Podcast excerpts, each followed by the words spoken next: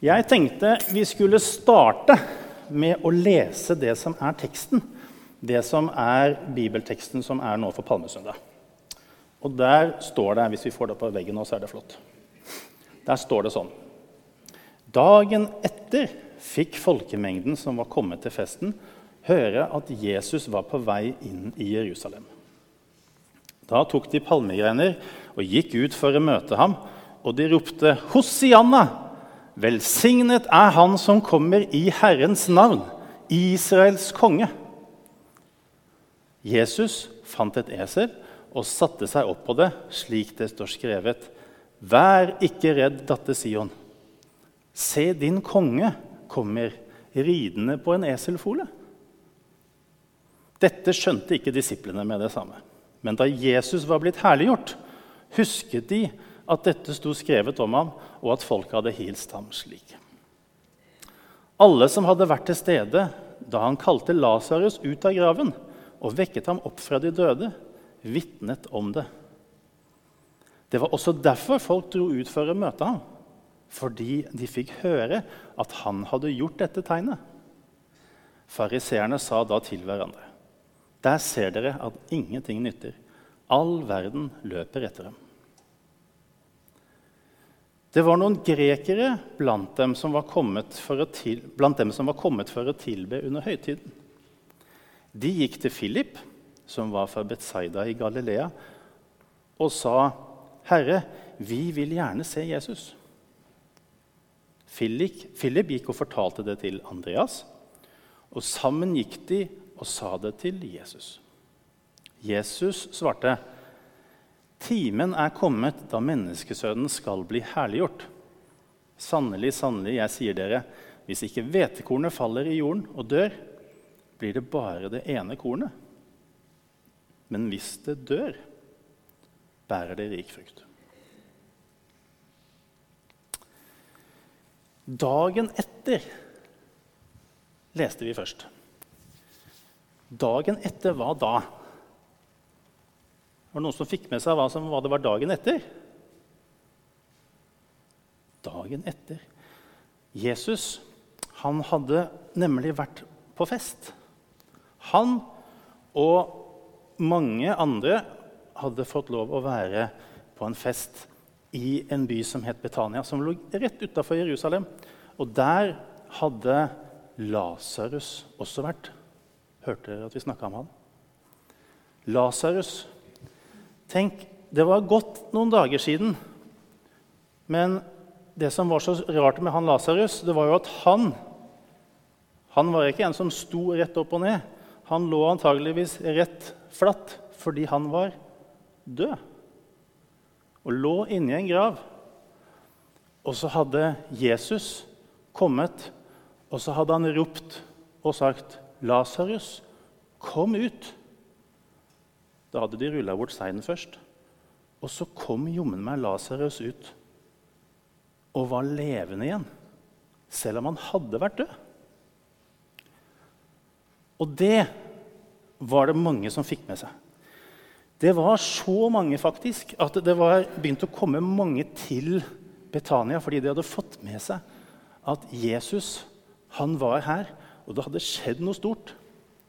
Nå hadde ikke de sånne telefoner og sånn som de kunne fortelle hverandre med. Nå har det skjedd noe, og sende bilder. Og... Men det de gjorde, det var at de fortalte det. Og så gikk det sånn, og så fortalte jeg det til Per Eivind og Per Eivind til Aram og så bortover. Sånn at alle fikk med seg. Vet dere hva som har skjedd? Jesus han har vekka opp noen fra de døde. Det skulle vel kanskje ikke være Messias? Det var det de lurte på alle som var der. Så Og Messias Hvem var egentlig Messias? Når vi, når vi hører Messias, så tenker vi med en gang Messias, det er Jesus, for han har vi hørt om før. Men det var hele poenget. Jødene visste ikke hvem som skulle være Messias. De visste at det skulle komme en Messias. Men hvem var det? Derfor lurte de så fælt. Det skulle vel ikke være at han der kanskje er Messias. Så kommer vi til palmesøndag. Og palmesøndag, når vi feirer det, så er det jo søndag. Men egentlig så skjedde dette her på mandag morgen. For på palmesøndag, eller på søndagen, så var Jesus altså på Han var på fest. Ja, jeg må bare høre om dere har fått med dere noe så langt. Fest. Da er vi enige om det. Bra, flott. Så Jesus han skal da av gårde, for da, skal, da er planen å dra ut herfra, fra den byen. Og så skulle han til en mye større by som ligger litt borte. Jeg later som at den er her omtrent. Og den byen var Jerusalem. Og i, på veien ut der så skjer det altså det som vi leser om nå i dag. For sammen med Jesus nå så var det en masse folk som både kom ifra Som kom ifra byen Betania, og som var, ut, som var liksom sammen med han. Det var sikkert disipler, og det var venner. Kanskje, jeg tipper kanskje Martha og Maria, disse som var søstrene til Lasarus, var med. Så de kan vi ha med her. Og så skulle de av gårde nå mot Jerusalem. Det var sikkert enda flere, altså. Og så kom det folk ut ifra Jerusalem. For når det hadde vært fest den dagen i forveien, da hadde folk drevet og snakka sammen. Aram hadde fortalt masse, og Einar hadde snakka masse. Så det var mange som visste det i Jerusalem. Så det var ikke bare én som kom, det var mange. Og de kom for å møte Jesus. Nå vet jeg ikke helt, og Vi har liksom ikke riktig størrelse på folk, og sånn, så nå skal jeg sette opp en masse her. Men det vi vet, er at det var fryktelig mange. Er det noen som vet dette er kanskje til de voksne, er det noen som vet hvor mange påskelam man mener at ble slakta i løpet av påskehøytiden når det var påske? Noen som har noen ideer? Det er historikere som mener at det er noe sånn som 250 000 lam som ble slakta. 250 000 lam. Og så regner de videre på hvor mange sånne lam, eller hvor mange mennesker mener jeg, er det som må være med for å spise opp de lammene. Og da snakker man altså om tigangeren av det. 2,5 millioner mennesker regner man med var i Jerusalem for å feire påske. Og når det står at folkemengden kom i opprør, da var det ikke bare så lite som det var her. Ikke bare sånn som vi er her inne i kirka. Det var, som sørlendingene ville sagt, tusener på tusener. Det var massevis av folk alle veier. Og de kom ut av Jerusalem for å hylle Jesus. Og da var det helt sikkert noen det, Nå har vi noen sånne palmegrener her. Det var helt sikkert noen som sto med palmegrener her for å hylle. Fordi det var noe man gjorde når man skulle hilse, hylle og si at nå kommer det en konge. Da hadde man sånne palmegrener som man brukte for å hylle med. Det var et tegn på seier. Og så, siden det var en Og så la man ofte ned sånne kapper og sånt noe også for å hylle og si at nå kommer det en konge på besøk, eller gjennom her. Og da kom jo Jesus som den kongen han var. Så kom han med de flotte krigshestene sine i vogna si, sånn som alle de store kongene gjorde. Det var jo nettopp det han ikke gjorde. Jesus han var en annen type konge. Han kom ikke med en sånn krigsmakt. Han var ikke på Jesus. Han skulle ikke krige mot noen som helst. Men det var det disse heia på. alle her, når de ropte Hosianna, eller i hvert fall de aller fleste som var her og ropte Hosianna, de ville at Jesus skulle overvinne romerne. For jødene, de var under romerne, heter det. De var altså romerne som styrte i landet. Men Jesus han kom aldeles ikke på noen hest. Han kom på en, et esel. En eselfole, til og med. Altså et babyesel. Det ser ut som Jesus har litt korte bein akkurat der, men var nok, de var nok der. Så Jesus han kom på et fredsdyr. For et esel det var det ingen som var redde for. Ikke soldatene som var i byen. De brydde seg ingenting når noen kom på et esel.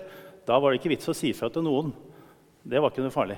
Hadde det kommet noe på en krigshest, ja, da hadde de lurt. Men Jesus kom på et esel og tok imot alle ropene og hyllesten som var. Så da må vel Jesus ha vært glad.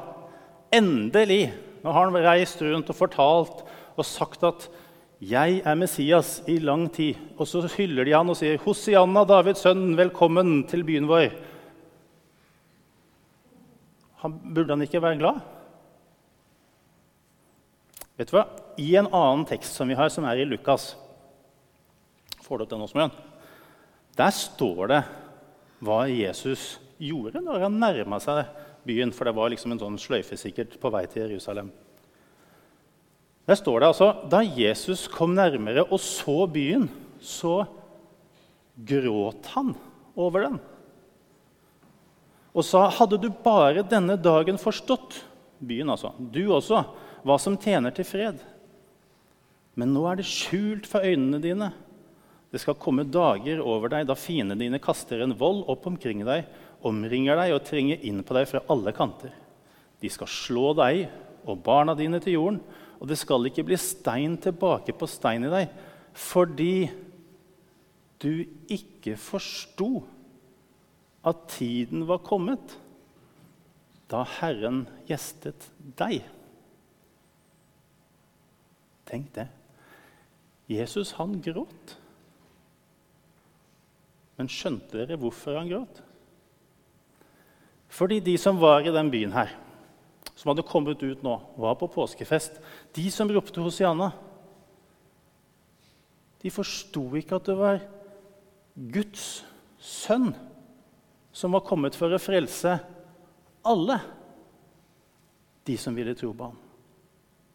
De trodde at Jesus skulle befri dem, at han skulle komme med noen store hester og, og med, med stor makt og knuse romerne. Men Jesus han kom for å gjøre noe helt annet. Og det er det vi hører om helt på slutten i den teksten her. Jeg må bare rydde litt her, for nå ble det så mange. For helt i slutten av teksten så hører vi om noen grekere som kom. Og de grekerne Grekerne de var jo ikke jøder, sant? De var jo grekere. Så de grekerne de kom, og så ville de snakke med Jesus. Så de La oss si at det var de her, da, f.eks.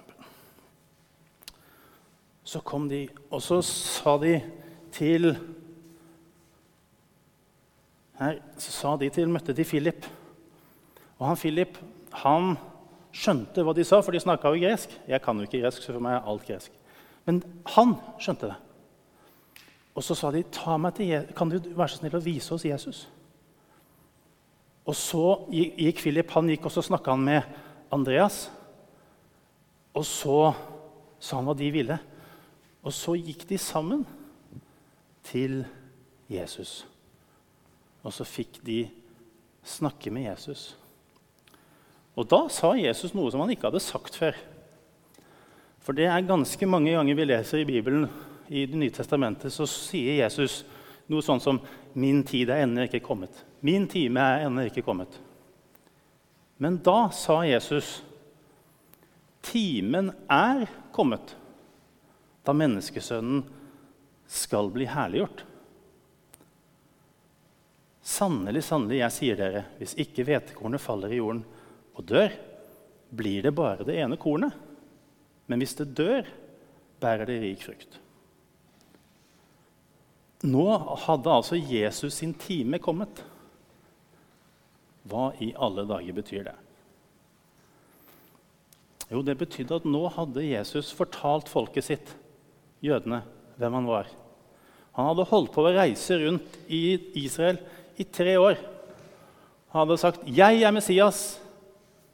Jeg er menneskesønnen.' Men nå var det nok. For nå hadde han sagt det så mange ganger at nå ville det liksom ikke hjelpe mer om han sa det flere ganger til dem. Men nå var tida kommet for å begynne å fortelle om Jesus til andre folkeslag. Til grekerne. Og så kom det etter hvert hit til oss her i Norge også. Men det aller viktigste det var at nå skulle Jesus begynne på det som var grunnen til at han kom til jorden i det hele tatt. For Jesus, han kom for å dø for oss. Han kom for å frelse oss, sånn at alle som tror på Jesus, de kan få lov å få et liv i evighet. All tid. Og det er det Jesus mener når han sier det der Hvis du tar det opp en gang til, Åsmund. Når han sier det om at det skal være et hvetekorn som faller i jorden og dør. Jeg fant ikke noe hvetekorn hjemme, men jeg fant noen sånne her riskorn. Det er ikke så lett å se de heller. Skal du ha et sånt riskorn, eller? Nå kan du få to, se fire, kanskje. De kornene som er her, supersmå sånne korn Når vi putter det i jorda Katrine er veldig glad i å gjøre det nå på våren. Putter sånne ting i jorda, og så går det noen dager, og så dør de her. Altså, De blir borte. De råtner opp. Men så kommer det noen fantastisk fine nye planter opp. Og de bærer så rik frukt, står det der. De bærer rik frukt. Hvilken frukt var det Jesus blei til? Har du tenkt på det? Det at Jesus døde for oss, det gjorde at vi som sitter her, og som sier 'Jeg', 'Jeg vil tro på Jesus'. Vi er altså rik frukt. Vi er frukt. Og så er det heldigvis også sånn at det er ikke noen grense for hvor mye frukt det kan bli. Det vil si, vi har fått et oppdrag. Vi skal fortelle om den fantastiske gleden det er at Jesus har tatt og dødd for oss, til andre, så kan det bli enda mer rik frukt.